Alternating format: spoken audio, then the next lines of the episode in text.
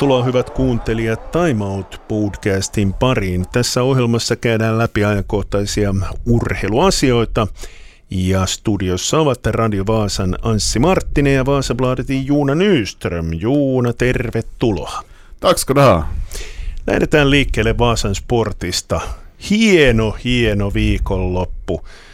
Kaksi voittoa. Tämä on mielenkiintoista, kun toi sarja on aika tasainen, niin jos näitä kahta voittoa ei olisi tullut, niin Sport olisi ollut aika tukalassa tilanteessa siellä lähellä saipaa. Nyt ollaankin yhtäkkiä aika korkealla. Ja, nästan top 6. Joo. Det är ju egentligen bara Nu är ju Tappara där i toppen som har dragit ifrån.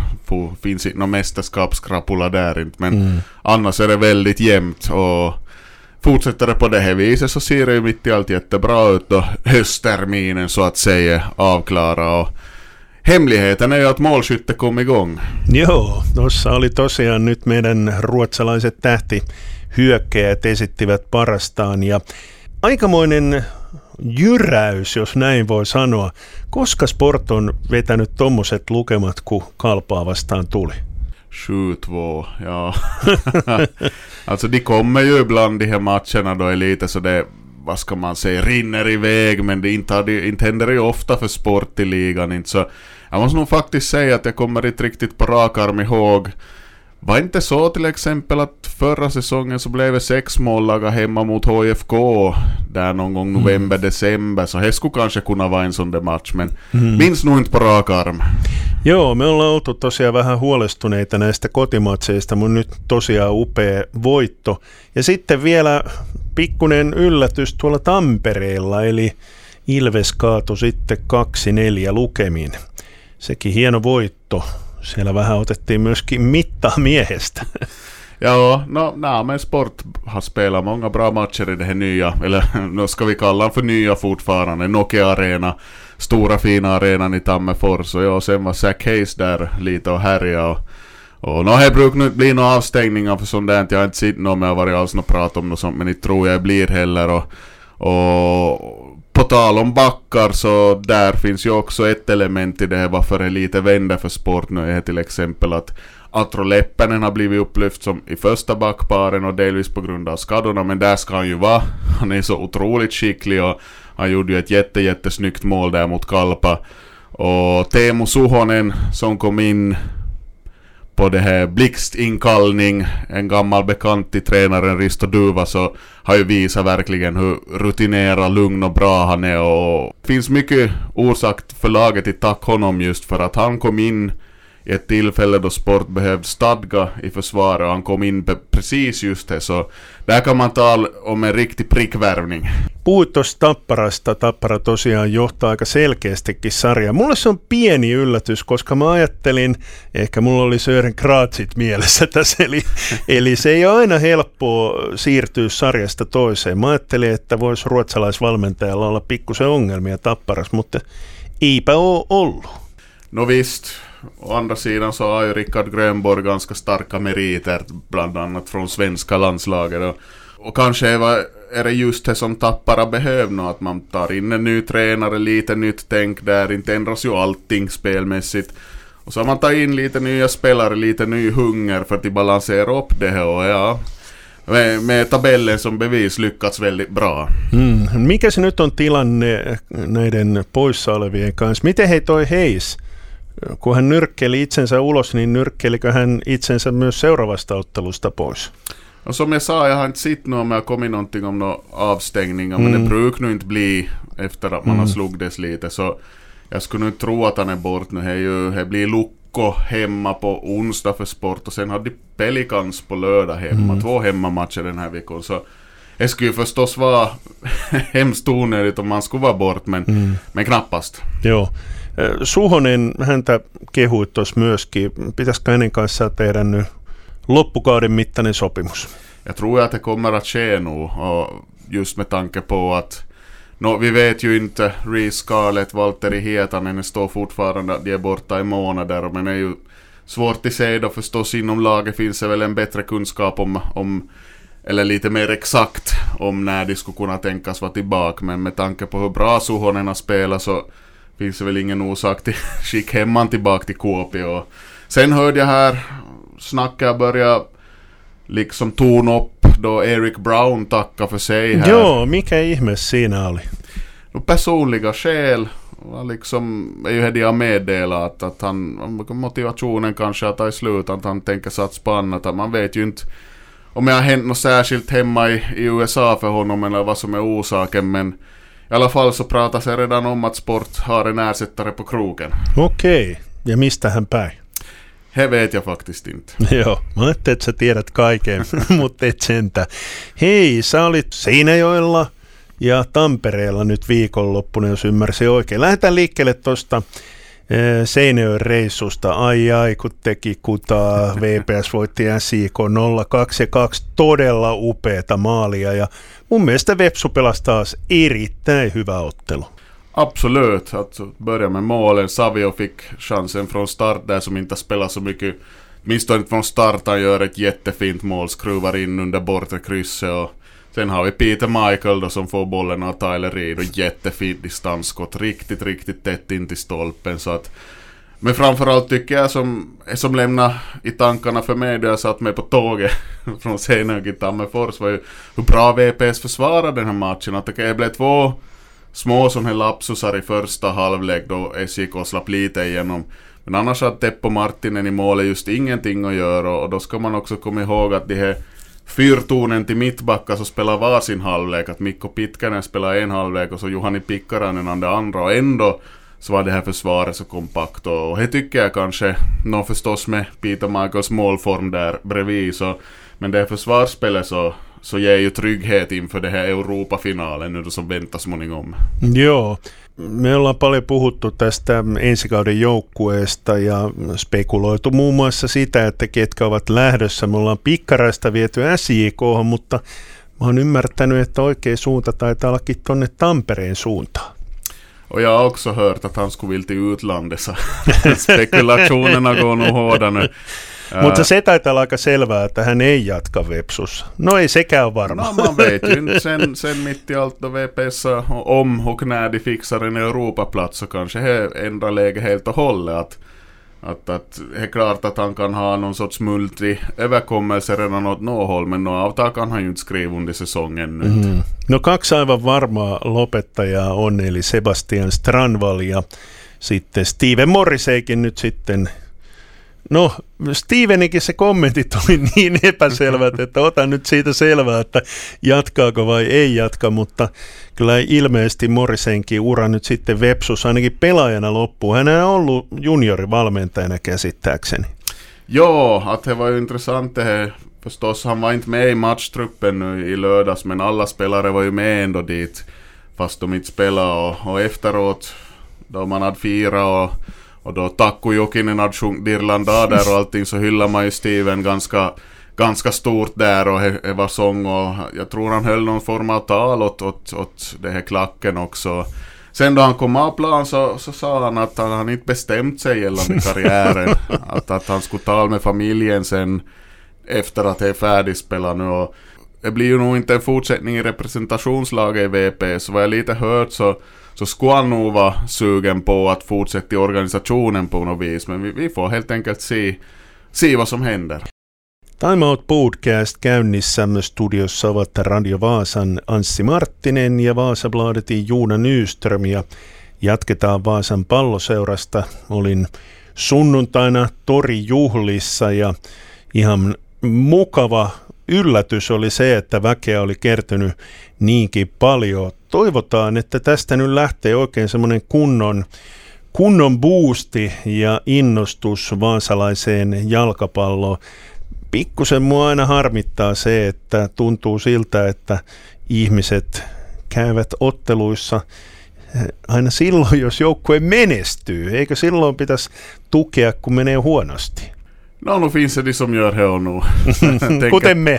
ja, jag tänker, no, me ollaan töidenkin takia Ja, men jag tänker också på till exempel nu då de blev degraderade här sist nu och, och spelade en betydelselös match borta mot KPV, helt förskräckligt väder, men det var ganska mycket Vasa supporter som tog resan dit ändå och stod där i regnet.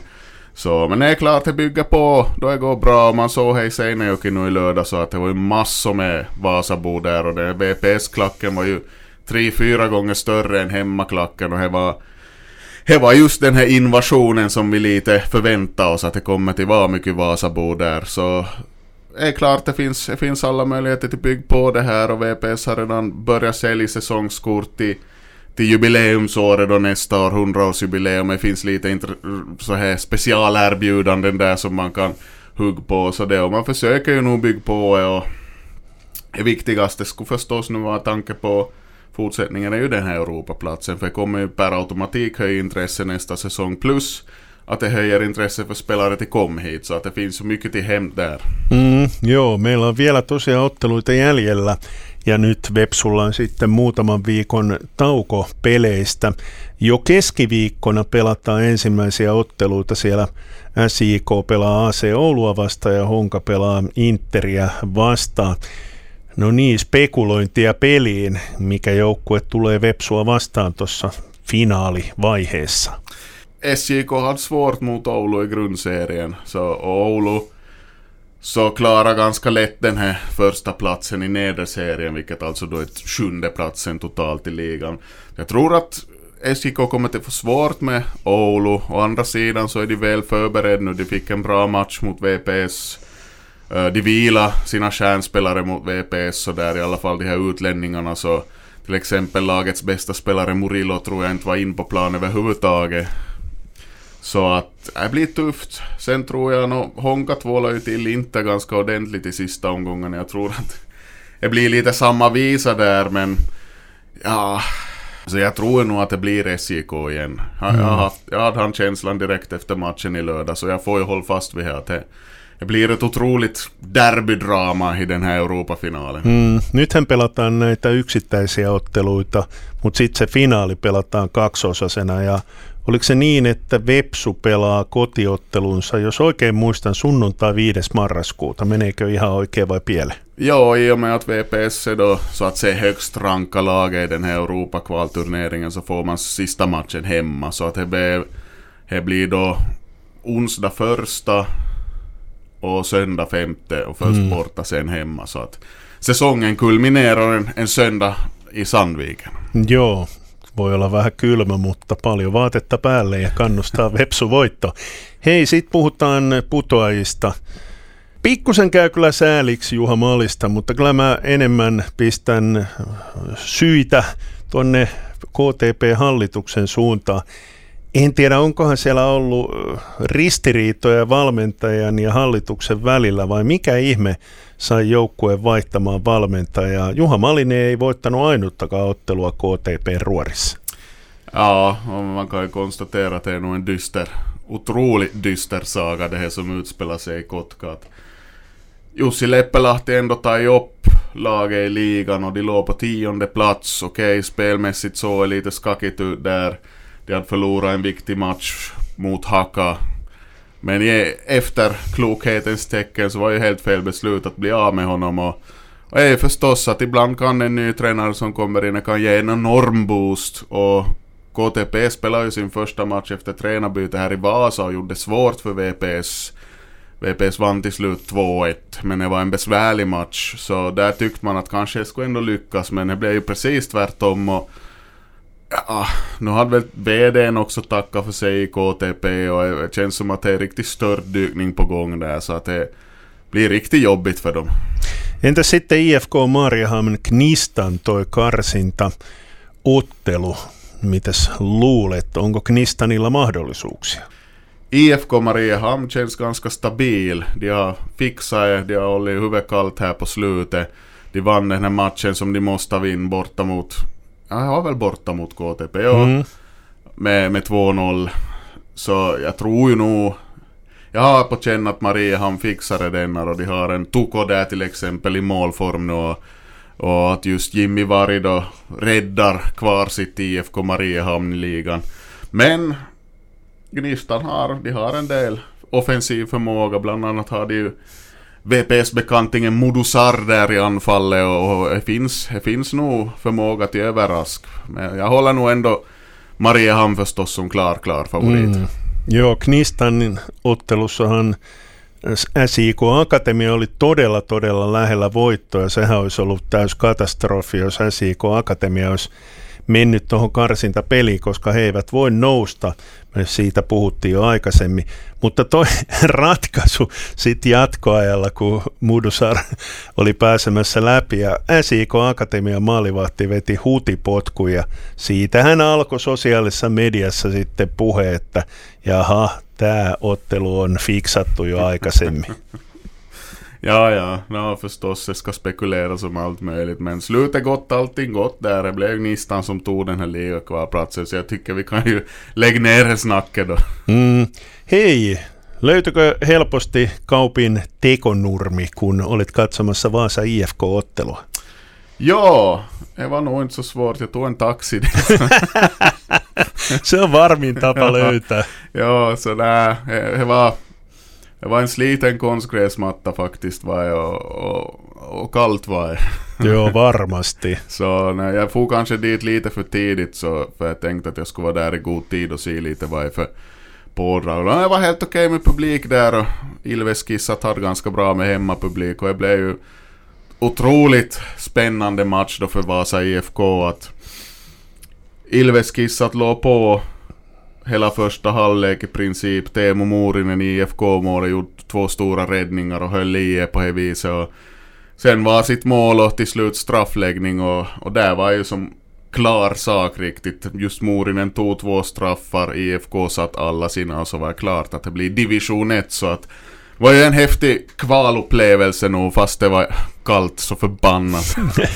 Puhutaan tuosta ensi kauden ykkösestä. Me ei kyllä välttämättä oikein vielä tiedetä, että, tai sä ehkä tiedät paremmin, mutta sen mä tiedän, että Vaasa IFK on siellä, onko KPV ykkösessä, ei kai he putoa mitenkään kakkoseen se ei kai ole mahdollista, vai onko?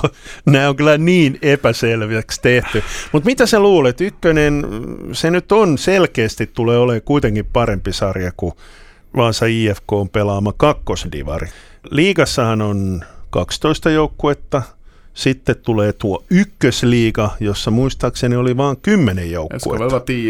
joo. Joo, niin kyllähän tuo ykkönen silloin on huomattavasti kovempi sarja, mitä nykyinen kakkonen. Mitä sä luulet, Vaasa IFK, minkälaisia mahdollisuuksia ja tavoitteita heillä voisi olla tuolla ykkösessä? Det blir nog tufft. Det är klart det blir tufft. Att det blir en, en annorlunda serie för Vasa IFK. De har blivit vana nu med att har på mot de här samma motståndarna här längs med kusten och, och inlandet. Nu blir det annat motstånd och det blir annorlunda resor. Och, och säkert lite högre nivå förstås. Att blir jätteintressant att se hur de ska klara sig. Nu måste man ju ge en stor fjäder till hatten åt, åt lagledningen och Max Peltonen att de fick laget till det här kvalet och de tog den här division 1-platsen med tanke på att det har varit ganska stor ombytlighet i spelartruppen. De har en väldigt ung trupp som de opererar med och dessutom i sista, allra sista matchen så var två lagets två mest rutinerade spelare inte ens med så att det är ju en stor bedrift och det finns ingen orsak att inte fortsätta bygga vidare på det här med egna unga spelare. Men förstås känns det som att det kanske behövs lite förstärkning i någon form. Om man ska som vara tillräckligt stabil, tillräckligt jämn i division 1 då.